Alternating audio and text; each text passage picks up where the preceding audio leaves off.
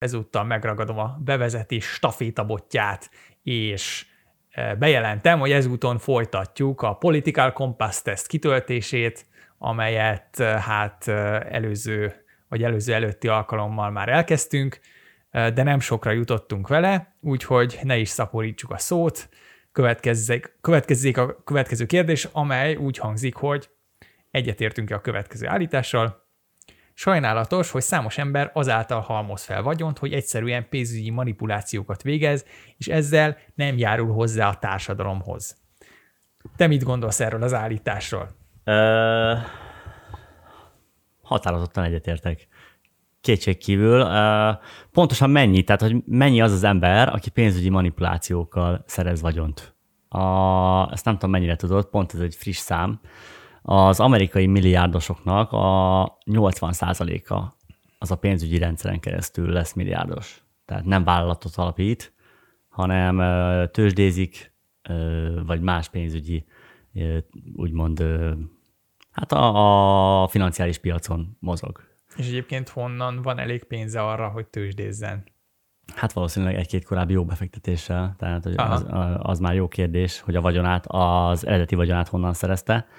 De az a lényeg, hogy az ultragazdagoknak túlnyomó többsége az nem, nem vállalatot alapít, amit az értékteremtés hagyományos módjának tekintünk, Igen. hanem a, a tőzsdén, illetve a, a banki fronton szerzi a vagyonát. Én nem is Úgy tudom, mond. hogy ezzel mi a problémát. Gondolj például Soros Györgyre, aki hasonló módszerekkel nagy vagyonra tett szert, és utána egész hervadó életét a társadalom javításának szentelte, és megalapította a Nyílt Társadalom Alapítványt, és ezáltal hát a demokráciát és az emberi jogokat terjesztette a világban. Különben, e, e, ezt most felírom amúgy. A filantróp... a sorosról? Ne, ne. A filantróp gazdagok. Az, az... Kiváló téma. Igen, igen, igen, igen. Úgyhogy ezzel így jó, tehát, határozottan egyetértek, mondom, ez egy óriási nekem, probléma. Nekem pusztán az a egyetlen kételjem, hogy elképzelhető, hogy ezek az ilyen pénzügyi manipulációk néha azzal járatnak, hogy egy-egy gazdag ember olyan dolgokba fektet be összegeket, amik ténylegesen hozzá tudnak járulni a társadalomhoz. Igen. Tehát, hogyha én egy olyan cégnek veszem meg a részvényeit, ami egyébként, mit tudom én, zöld energiával innovál, akkor azzal én a befektetésemmel hozzájárultam a társadalomhoz. Csak nyilván az a probléma, hogy nem ez a tipikus. Igen. Hát ez nem, hát nem, hogy nem ez a tipikus, hanem hogy, hogy mondjam, volt több évtizede ennek a rendszernek bizonyítani, hogy az emberiség érdekeit szolgálja, és látjuk, hogy, hogy és szerintem nem. Tehát a, látszik az, hogy, hogy ez a rendszer most már, ez a, ez a fajta financiális rendszer, amivel amúgy a dolgoknak a, a, a, a finanszírozása működik, tehát, Igen. hogy abban igazad van, hogy a, hogy a vállalatoknak a financiál, tehát finanszírozása. finanszírozása, köszönöm, az, az ebből fakad, tehát ebből a pénzügyi rendszerből. De a, a pénznek, ami ezen a piacon mozog, nagy része az spekuláció, nem pedig ez a, ez a fajta befektetés. Világos. Hát itt még az egyetlen másik ellenérv az, az lehet, de az sem erre az állításra vonatkozik kifejezetten, hogy ugye a vállalatokat mindenképpen valahogy finanszírozni kell. És az egyik lehetőség az, amit az angol száz országokban csinálnak, hogy az emberek ugye megnézik, hogy a tőzsdén milyen vállalatokban lehet részesedést venni, ha úgy látják, hogy jók a kilátási az adott cégnek, akkor azt megveszik, aztán remélik, hogy egy kapnak osztalékot, kettő drágában el tudják adni azokat a részvényeket, vagy kötvényeket, hogyha kötvényeket bocsátanak ki. A másik lehetőség, hogy finanszírozzuk, az meg a bankitelek. Tehát ugye a, a, elmegy a, az adott cég a bankba, közli, hogy én ezt és ezt akarom csinálni, adjatok rá pénzt és fene tudja, hogy, hogy melyik hatékonyabb, én nem vagyok pénzügyi szakértő, de, de a, a lényeg az, hogy valahogy muszáj finanszírozni a vállalatokat. Most az más kérdés, hogy itt ugye ez az állítás nem erre vonatkozik, hanem arra, hogy örülünk-e a spekulánsok létezésének, tehát az, az nyilvánvalóan nem, nem örülünk, annak örülnénk, hogyha az emberek azokat a vállalatokat finanszíroznák, amik egyébként hasznosak a társadalom számára, nem? Így tehát, igaz, tehát nem csak amik fel tudják mutatni minden negyedében a növekedést. Jó, hát akkor azt gondolom, hogy csak azért, hogy ne értsek veled egyet, én nem határozottan, de egyet értek. Akkor menjünk tovább a következő kérdésre, pontosabban állításra, amely így hangzik, hogy egyetértünk ezzel. A következővel a kereskedelmi protekcionizmus néha szükséges. A protekcionizmus az ugye azt jelenti, hogy tarifák, vámok, tehát a, az a lényeg, hogy a saját termékeidnek az exportját azt bátorítod, Igen. és a külföldi termékeknek az importját pedig hát elbátortalanítod, úgymond. Hát, és, bizonyos... és kifejezetten ilyen, ilyen gazdaságpolitikai Így vagy tehát iparpolitikai indokokból csinálod ezt. Igen, igen, igen, igen. Összességében ennek a, egy, egy egészséges protekcionizmusnak az egész, a, a, a hatásai azok látszanak, tehát megvannak azok az országok, például Svájc, ami, a, ami nagyon erősen protekcionista, de mégis mégis azért nemzetközileg is kereskedik. Egyébként tudod, hogy melyik az az ország, amiről mindenki azt gondolja, hogy mennyire szabad, és mondjuk száz évvel ezelőtt nagyon protekcionista volt? Az USA. Pontosan, tehát innentől kezdve az, hogy most a szabad piacra jönnek, az, az kicsi mulatságos. Abban az időben ugye a brit birodalom volt az, aki a szabad piacra jött, vajon miért, de az Egyesült Államok nem kifejezetten. Tehát ő, ők inkább ezekkel a védővámokkal stb. operáltak. És az is hozzátartozik ez, hogy szinte minden olyan ország, aki a 20. században fejlődőből fejlett kategóriába tudott menni, elsősorban ugye Kelet-Ázsiában, mindannyian egyrészt ugye nagyon erős protekcionizmussal dolgoztak. Most az megint más kérdés, hogy voltak különböző ilyen gazdaságpolitikai megállapodások köztük és más országok között, de, de, de nem ez a totál szabad kereskedelem. Tehát egy nagyon-nagyon átgondolt kiinduló pontjuk volt, úgyhogy én azt mondom, hogy ezzel én határozottan egyetértek, valóban a történelem azt mutatja, hogy néha szükséges a protekcionizmus a kereskedelemben. Én csak simán egyetértek. Hogy azért ne értsünk teljesen egyen. Jó, akkor kiváló, akkor szerintem ezt meg is beszéltük, mehetünk a következő kérdésre, amely így hangzik. Egy vállalat egyetlen társadalmi felelőssége az, hogy nyereséget termeljen a tulajdonosainak. Ez, ez az a kijelentés, aminek a hátán ö, olyan atrocitásokat hajtanak végre a vállalatok, ö, amiket ö, egyáltalán nem kéne. Tehát ö, ez az a, ez az a, a stakeholder elmélet, hogy ugye kik, kiknek van érdekeltsége egy vállalatban, és a végső soron egy vállalatnak ugye az a célja, hogy a befektetőinek az érdekeit, tehát a részvényeinek az értékét növelje. Ez a, tényleg ez, ez egy, hogyha csak a közgazdaságtant nézzük, tehát, le, tehát egy vállalatot lebutítunk teljesen úgymond magára a csontvázra, tehát hogy mit csinál, az nem számít. Hogy hogyan csinálja, az nem számít. Egy vállalatnak a működésmechanizmusának a hátterében az van, hogy a részvényeinek az értékét növelnie kell, mert a befektetők ezért tették be a pénzüket. Tehát azért fektettek be abba a vállalatba, hogy, hogy az hozamot termeljen. És azok után, hogy a vállalat milyen célokat val magának, az igazából már az eszköz arra, hogy az eredeti célját teljesítse, ami pedig az, hogy a tulajdonosainak nyereséget termeljen termeljünk kakukkosóra helyett atombombát, vagy vaj helyett ágyút. Teljesen mindegy.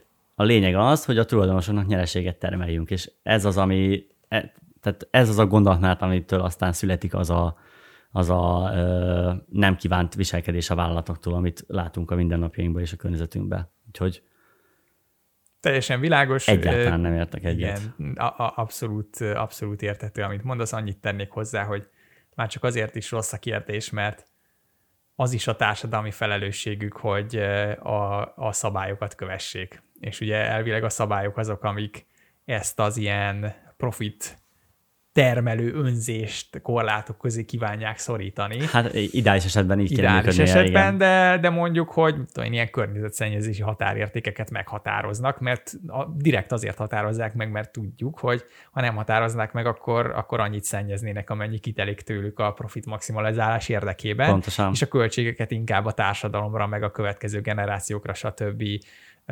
terhelnék, úgyhogy nem igaz, hogy az egyetlen társadalmi felelősségük a nyereségtermelés, vannak jogszabály és etikai követelmények, amiket be kell tartani, úgyhogy bármennyire is szeretnék egyet nem érteni veled, de ezzel a kijelentéssel határozottan egyet értek, én is, és akkor menjünk a következőre, amely úgy hangzik, hogy a gazdagok túl sok adót fizetnek, hogy nem sül le a bőr a képéről annak, aki ezt a mondatot leírta. Igen, valószínűleg ezért tartunk abba az irányba, hogy hamarosan megszülessen a világ első biliárdosa, ami magyarul nem is használjuk ezt a szót, hogy biliárd. Nem, azt szerintem, fú. Az, a, az amúgy az amerikai uh, trillió. Trillió, igen, igen. tehát a trillion, trillion, az a biliárd, de Magyarországon nincsenek olyan, tehát hogy nem gondolkozunk olyan számokba, amik, amik biliárdig el, elérnek.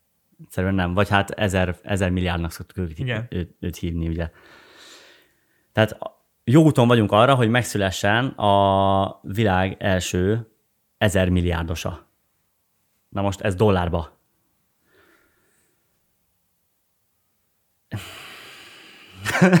miközben, miközben emberek milliói nem jutnak egészségügyhöz, nem jutnak megfelelő oktatáshoz. Tehát ez, és azért nem jutnak ezekhez, mert nincsen meg hozzá, a, vagyis azt mondják, hogy nincsen meg hozzá a szükséges anyagi háttér. Úgyhogy, ahogy mondod, ez, szerintem ezt nem is kell túlvitatni. A gazdagok, ugye azzal érvelnek sokan, hogy a gazdagok, hogy a gazdagoknál marad a pénz, tehát hogyha nem adóznak a gazdagok, hanem náluk marad, akkor ők azt befektetik, és ez a trickle-down economics. Lecsorog a jó Így igaz, a lecsorgó gazdaság. De ezt, ezt a kísérletet folytatjuk több mint 50 éve. Még senki nem bizonyította, Több mint 50 éve, van. és látjuk, és hát azt látjuk, hogy óriási egyenlőtlenségek születnek Pontosan. ebből.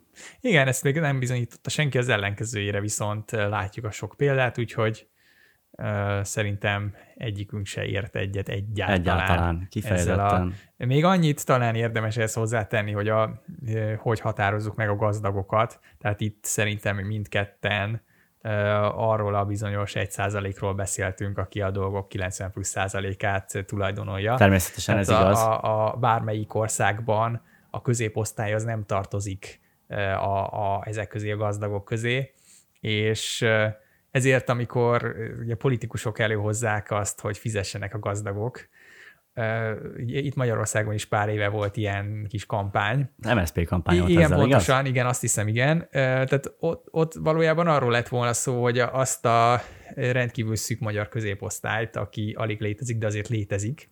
Tehát olvastam valahol egy ilyet, hogy egy házas párnak mondjuk ahhoz, hogy Magyarországon középosztálynak lehessen tekinteni, az összjövedelme kellene, hogy mondjuk nettó 1 és 2 millió forint között legyen. Az nem Most sok. Az nem olyan nagyon-nagyon sok. Nem sok. Nem olyan nagyon sok, és de, de hogy érted, hogy, hogy gyakorlatilag ez lenne azok igen, a gazdagok, igen. akik fizessenek mondok többet. példát, mondok példát, hogy Amerikában milyen ötletek voltak erre, és szerintem akkor egy picit jobban megértjük, hogy milyen vagyonról beszélünk. Amerikában olyan ötlet volt erre, hogy vagyonadó 3% összesen olyan, olyan emberekre, akiknek a vagyona meghaladja a 25 millió dollárt. Na most azt tudni kell, hogy a, az ultra gazdag réteg az, az, net, az, a, az a net worth, tehát az, az, az a 30 millió dollár összvagyontól kezdődik. És itt most beszélünk körülbelül azt hiszem pár százezer, de még annyi sem, azt hiszem pár tízezer amerikairól. Tehát itt, hogyha egy ultra, egy ultra gazdag réteget határozunk meg, akkor tényleg egy, egy, egy olyan kicsi számról beszélünk, ilyen pár tízezer emberről. Ugye Magyarországon szokták mondani, hogy a felső tízezer. Igen. Akiknek az adóterhe a társadalom nagy részét nem érinti, és igazából nekik is, tehát nekik sem meghatározó, mert, a, mert olyan, olyan vagyonja, tehát olyan vagyontartalékuk van, ami felfoghatatlan. Na mindegy. Tehát erről majd... Majd egyszer érdemes persze, lesz persze, belemenni meg abba is, hogy, hogy miféle szemlélettel bírnak vajon ezek az emberek. Tehát, hogy mert igen, igen. az én megközelítésem, meg talán a tiéd, az nem biztos, hogy, hogy összehasonlítható, vagy összemérhető azzal, ahogy ők gondolkoznak, de, de majd akkor, akkor egy, egy következő alkalommal ez egy potenciális téma. Akkor térjünk is rá a következő állításunkra, uh-huh. ami így hangzik. Azok, akik fizetni tudnak, jobb minőségű egészségügyi ellátásban kellene, hogy részesüljenek. Szerintem, ezt sokszor szoktam hangoztatni, hogy egy társadalomnak meg kell egyeznie azon, hogy mik azok a ö, szolgáltatások, amik, amik, ö, amik minden embernek járnak. Tehát úgymond az emberi méltósághoz milyen olyan szolgáltatásokat kell levenni az asztalról, és az asztalt a, pi, a, a szabad piacnak értem. Tehát mik azok a dolgok, amikre a szabad piac károsabb hatással van, mint, mint amire pozitív hatással. És az egészségügy, és az, egészségügy az szerinted olyan, amire a szabad piac károsabb hatással van, mint pozitív hatással? Hosszú távon igen.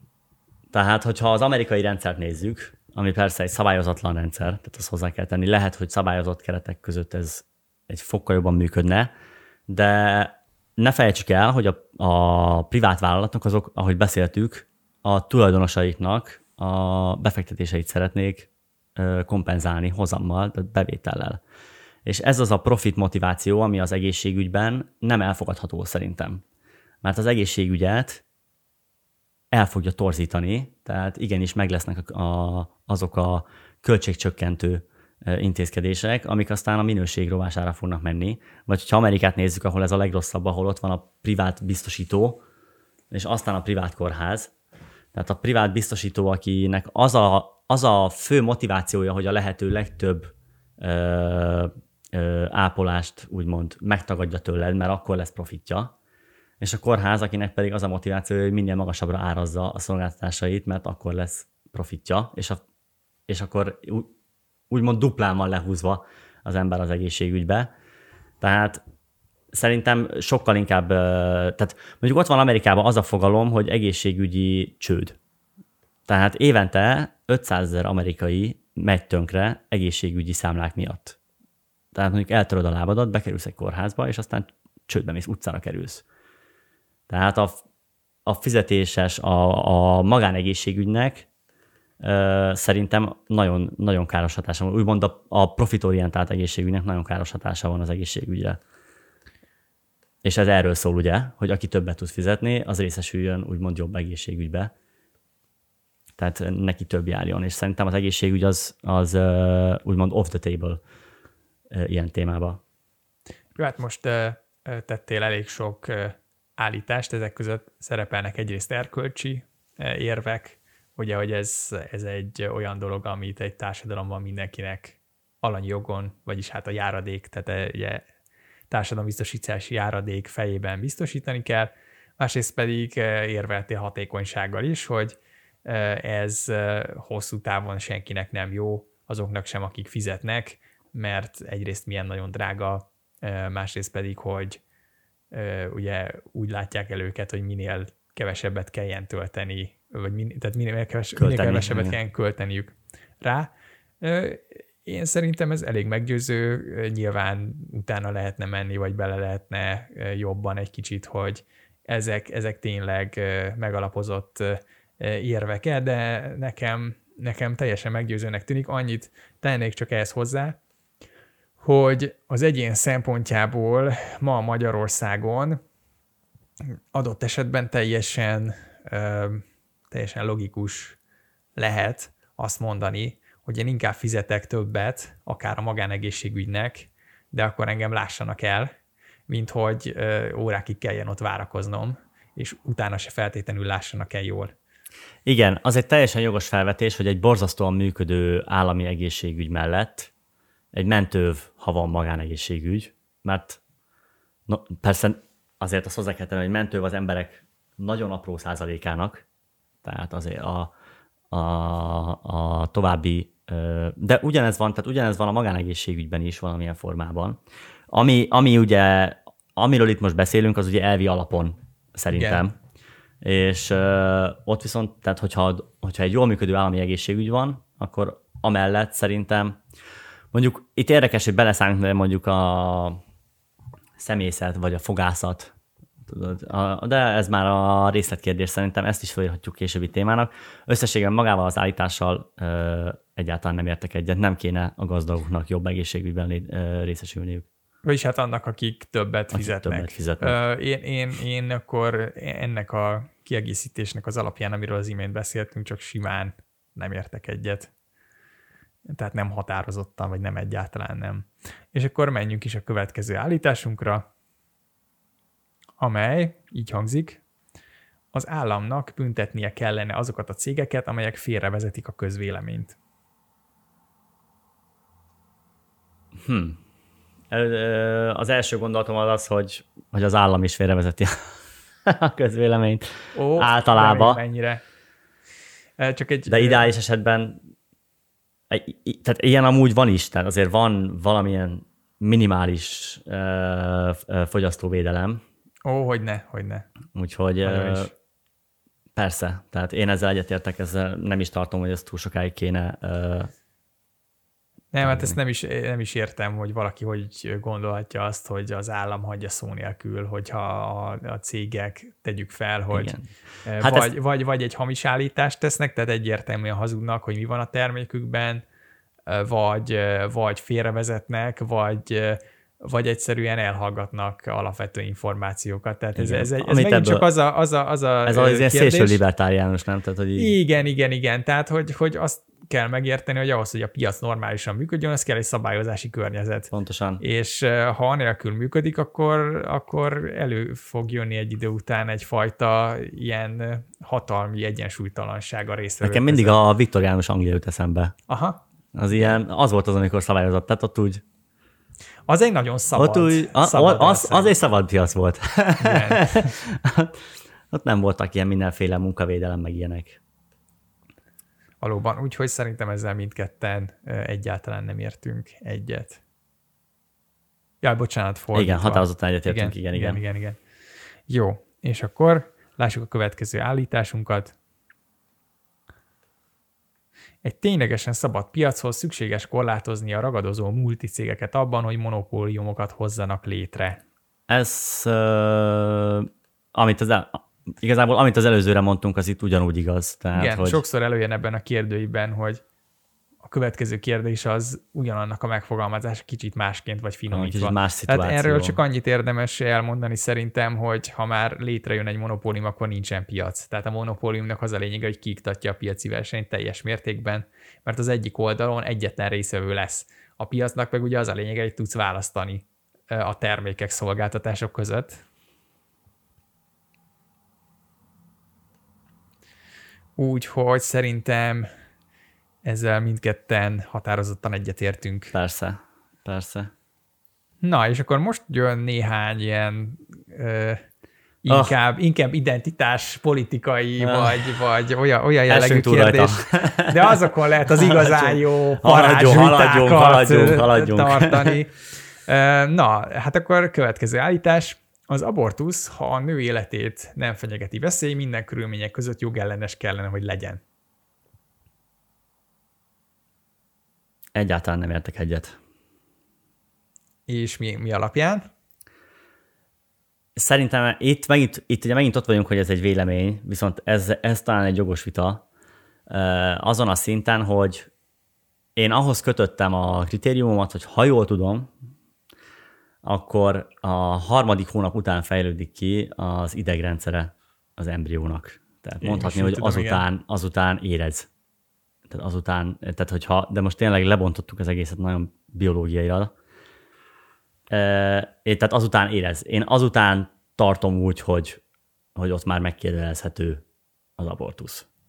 És szerintem ez, ez, ez egy racionális álláspont, és ebbe be lehet kötni, hogy, a, hogy teljesen a nő joga, meg stb de én úgy gondolom, hogy ez az észszerű középpont, hogy a harmadik hónap, amikor, amikor az, az idegrendszer kifejlődik, ott kéne meghúzni egy határt. Előtte azt mondom, hogy igen, szabad, tehát hogy ott, ott én úgy vagyok, hogy ott még szabad döntés van, mert ez lehet, hogy tehát több kárt okoz szerintem az, hogyha ez, ez a szabad döntés nincsen megadva, utána pedig, ö, utána pedig viszont már meghozta a döntést, mert, mert túlépett a három hónapon. Világos. Szerintem ez teljesen elfogadható. Azt nem tudom, hogy jelenleg Magyarországon mi a korlát. Azt hiszem hetekben van meghatározva, hogy hányadik hétig Én engedik. is úgy tudom, de talán tizen... Várjál? Mint, ja, én 12, úgy tudom, hogy 12 hét, igen. 12 hét az hány hónap? az pont három, nem? Három-három, igen. Na hát akkor gyakorlatilag egyetértesz a jelenlegi magyar első szabályozással. Igen, első pontosan. Igen, igen, igen, igen, igen, igen amúgy. Igen. igen.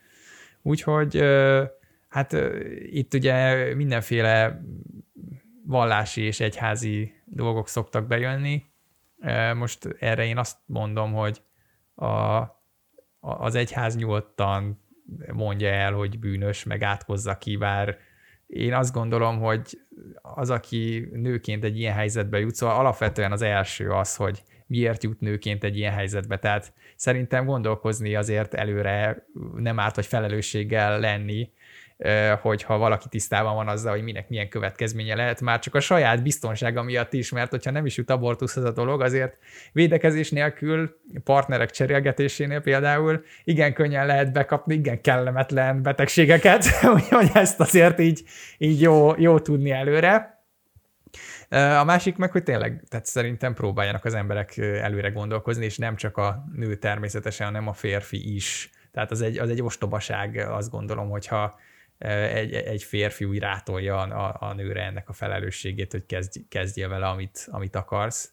Uh-huh. Uh, és uh, van olyan szituáció, amikor persze, tehát az, a, uh, tehát az, az, az több kárt okoz szerintem, hogy valakinek úgy kell felnőnie, hogy tudom én 17 évesen szülte az anyja, és abból mindenféle különböző dilemmái adódnak, különösen, hogyha ugye szegény családról van szó, stb. Tehát itt nagyon-nagyon sok megfontolás van. Igen, azzal amúgy, igen. csak hogy általában azzal én se értek egyet, hogy a, hogy az abortuszt azt így izé villinili kezeljük, tehát hogy így ja, ja beesett, az, abortuszon volt, tehát az, vagyunk az, rajta. Az, az, az hát nyilván, ez egyértelműen nem, az, az, az nem nyilván, támogatandó. Nyilván arról szól, hogy, hogy, hogy megölöd a potenciális gyerekedet. Most ez nem egy olyan, nem egy olyan dolog, ami bárkinek örömteli. Úgyhogy... Csak ezt azért mondom, mert nyugatom, Jaj, de hát a legcsodálatosabb példa az, az, az Mr. Garrison a South Parkból, aki átoperáltatta magát nővé, aztán utána elment, hogy abortuszt akar, elment a kórházba, és hogy mikor kaparják ki belőlem, és roppantják szét a fejét, azt akarom már látni. Igen. Um, Azt állom senkinek, hogy ne ássa bele magát az amerikai abortusz dolgokba, mert az elég lehangoló nem az egyetlen lehangoló téma, azt gondolom, de jó, rendben. Szóval uh, akkor te erősen nem értesz egyet, akkor én azt mondanám csak, hogy simán nem értek Én is simán egyet. amúgy. Ja, jó, rendben, remek. Na, akkor menjünk is tovább a következő megállapításunkra, amely egy nagyon-nagyon egyszerű tőmondat, minden tekintélyt meg kell kérdőjelezni. Én azt a tekintélyt kérdőjelezem meg, ami, ahonnan ez a mondat beszél, hogy meg kell kérdőjelezni, nem? Ki hagyta, hogy, Ki hagyta, hogy azt mond nekem, hogy mit kell csinálni, bazze! uh, hmm. Jó, én szerintem ezt, a, szerintem ezt lehet értelmesen, tehát hogy így konszolidáltan értelmezni, és így igen, tehát hogy így minden, mondjuk azt, hogy minden tekintélyt uh, számon kell kérni. Na, ez már azért egy kicsit normálisabban Ugye? Hangzik. Tehát uh, valamilyen, valamilyen módon értem a kérdésnek hátterét, de az, hogy igen, csak, csak simán, csak simán egyetértek szerintem. Mert Jó, én, lehet... meg, én meg csak simán nem értek egyet a következő miatt. Ugye van, van egy, egy nem sokat hangoztatott, de, de nagyon fontos különbség a tekintély és a tekintély elvűség között. Ugye a tekintélyelvűség, még külön szó is van rá angolban, ez authoritarianism. Igen, igen. A, a, a tekintély az meg simán authority. De arról szól pont ez a megkülönböztetés, hogy a tekintélyelvűség az azt mondja, hogy nekem van egy pozícióm, és én a pozícióból beszélek hozzád, és neked semmi jó ahhoz, hogy megkérdez bármit, amit én mondok, mert a pozícióm alkalmasát tesz arra, hogy én rátoljak bármit. Tehát ez a tipikusan az az eset, amikor... Media summarized. például, igen, de, de egy ennél, ennél átélhetőbb, amikor a ö, idősebb családtagok hatalmi pozícióból beszélnek. Ja, nem azért, igen, nem azért csinálsz valamit, mert hogy annak van egy jó oka, és és nem vagyok hajlandó én megmagyarázni neked, hanem azért, mert kisfiam, én vagyok felül, ezt csinálod, és kész. Ellenben a tekintélynek elvileg az kellene, hogy legyen a lényege, amit, a, a, amit mondasz, tehát hogy, hogy számon kérhető, de számon is kérték. Tehát, hogy ha valaki egy orvos lesz például, annak 500 millió vizsgán már keresztül kellett mennie, ezerszer számon kérték, hogy ő alkalmas-e arra, amit csinál, és, és az, hogy ott van, elvileg mondom jó körülmények között, azért, azért van tekintélye, mert kiérdemelte. És abban, amit ő csinál, abban elvileg te megbízhatsz.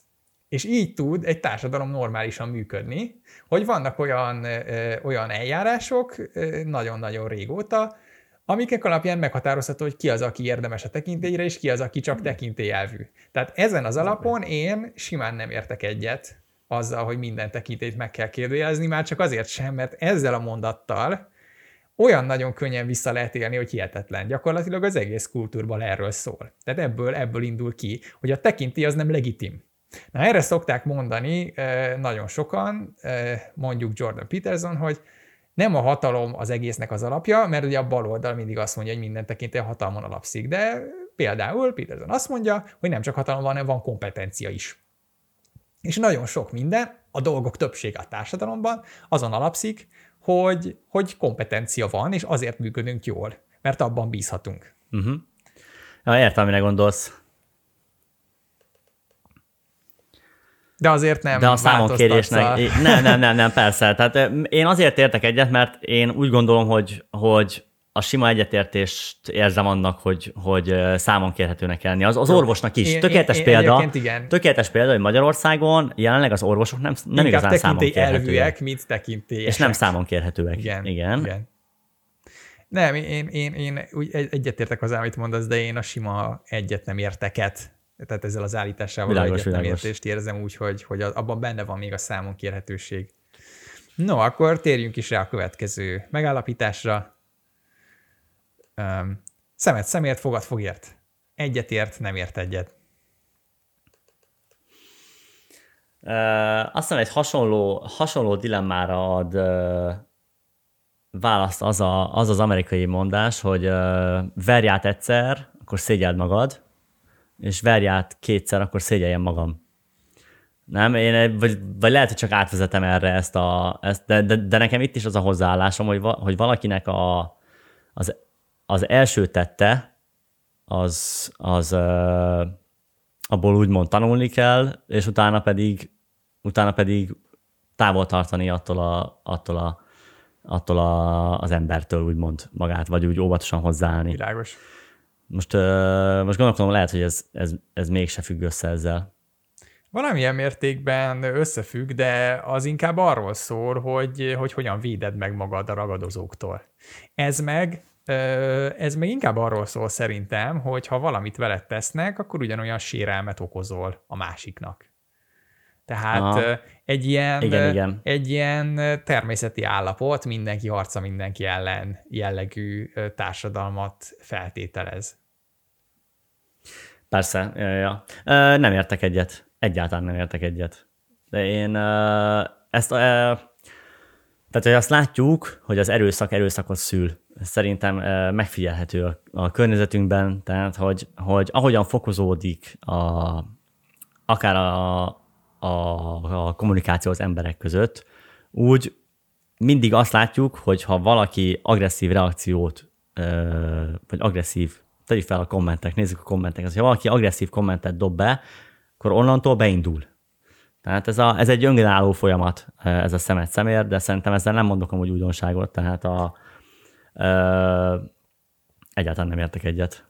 Teljesen világos. Én ehhez még csak annyit tennék hozzá kiegészítésként, hogy ez az elv, hogy szemet szemért, fogad fogért, ez a 2000 éves keresztény erkölcsel is teljes mértékben szemben megy, olyan mértékben, hogy ezt, amikor Jézus Krisztusnak ugye valaki előhozta, akkor ő erre azt mondta, hogy ő meg, ő meg ugye azt, azt mondja erre, hogy ha megütnek egyik oldalról, tartsd oda a másik orszádat is. Tehát ilyen, most nyilván ez a másik véglet. Ez a megdobnak kővel, igen, megdobnak dob kővel, igen, igen, igen, igen, igen, de, igen. de nyilván ez a másik véglet, de, de azért, hogy, hogy milyen erőteljes elutasítás van a keresztény járkölcsben ezzel szemben, pont azok miatt a megfontolások miatt, amiket mondtál, ami teljesen logikus is, hogy erőszakkal igen nehéz problémákat megoldani, tehát mindenképpen úgy lehet konfliktusokat normálisan kezelni, hogy kell egy valamiféle közös megegyezés, aminek alapján ezek rendezhetők, és hogyha ilyen nagy, az el, ilyen nagy a, a, a konfliktus, hogy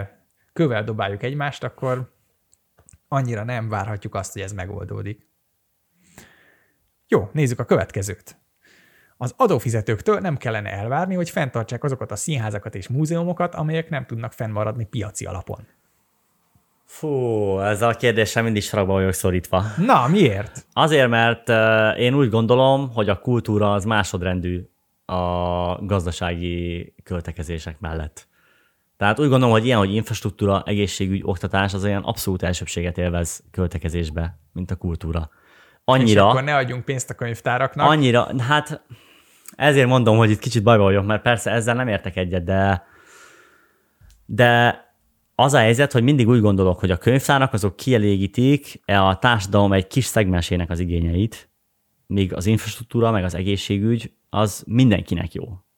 De és nem csak ezért... arról, bocsáss meg, itt, itt azt mondod, hogy kielégítik egy kis szeglet igényeit, de épp úgy, mint ahogy általában a liberálisok, azt téveszted szem elől, hogy a társadalom az nem csak azokból áll, akik most élnek, hanem bele tartoznak azok, akik már meghaltak, és azok, akik most fognak születni.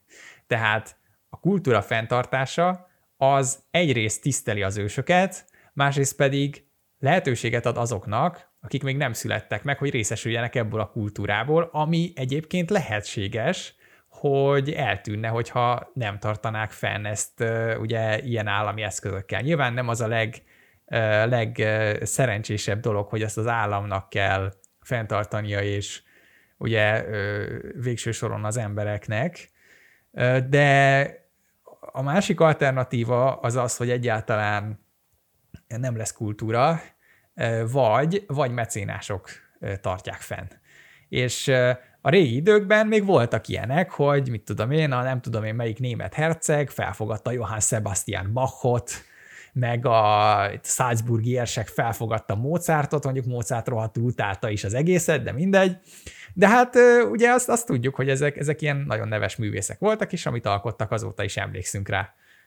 De azért manapság, tehát én, én nem, nem nagyon, előfordul nyilván nagyvállalkozóknál, hogy alapítanak díjakat, vagy ösztöndíjakat csinálnak, vagy mit tudom én, emlékszem például Franciaországban a Louis Vuitton csinált egy alapítványt, ugye most én mindig ilyen zenei példákat hozok, mert abban vagyok inkább otthon, tehát hogy zenei mesterkurzusokat csinálnak, és ott is adnak ösztöndíjakat, tehát vannak, vannak erre példák, de, de azért ez is viszonylag, viszonylag szűk körű, és a, a, az, ami, a, ami inkább ezt, ezt fent tudja tartani, az alakult ki, hogy valamennyire ez egy állami feladat legyen, és én úgy gondolom, hogy annak ellenére, hogy valami nem tud felmaradni piaci alapon, egészen egyszerűen azért, mert objektíve tudjuk róla, hogy értékes, mert már az előttünk járók számára is érték volt, akkor legyen meg az utánunk következők számára is.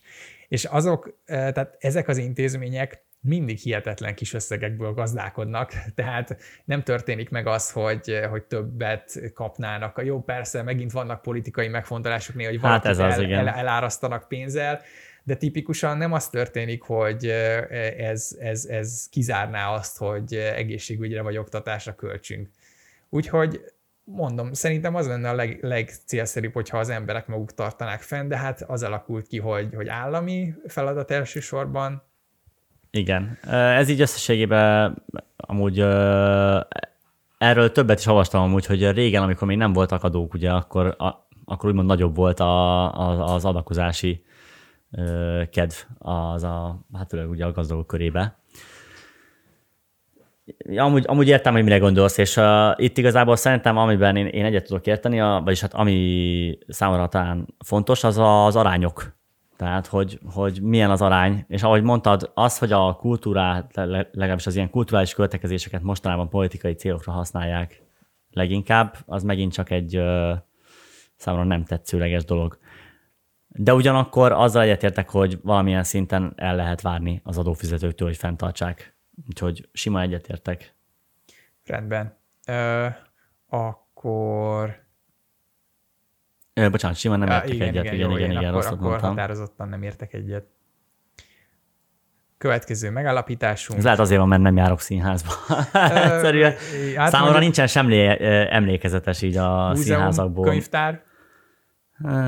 Ha könyvtárba elmész, akkor nem kell még az ilyen népszerű kultúrához tartozó könyveket sem megvenned feltétlenül. Úgyhogy az azért egy jó dolog. Még És a kép, Én nem tudom, sem. én a kultúrát az sokkal inkább a, az emberekben, a, az ételben, úgy alapból az országnak a közhangulatában. Tehát én így, én így nem a nem a színházakon keresztül, én szerintem a magyar kultúra az nem a színházakban rejlik, de ugyanakkor értem azt, hogy erre, erre igény van. Jó, Úgyhogy hát nagyon sok egyéb más dolog is ide tartozik a színházak mellett, de azon mindig lehet vitatkozni. Ide tartoznak például a filmek is. Ugye, hogyha nem piaci alapon De- működik, mert hogy Magyarországon vagyunk. De hát ez egy érdekes kérdés szerintem. Annyi bizonyos, hogy az állami részvételt a kultúrából azért nem nagyon fogják kivonni Magyarországon, meg az európai országokban sem a következő időkben igen, igen. És akkor azt gondolom, hogy ezt a mostani alkalmat ezzel zárjuk le. Természetesen még nagyon sok kérdés, megállapítás van hátra. De és a végén következő- kiderül, Igen, és a végén kiderül, besorolnak bennünket egy, eh, egy, egy kétdimenziós, kétdimenziós ábrába.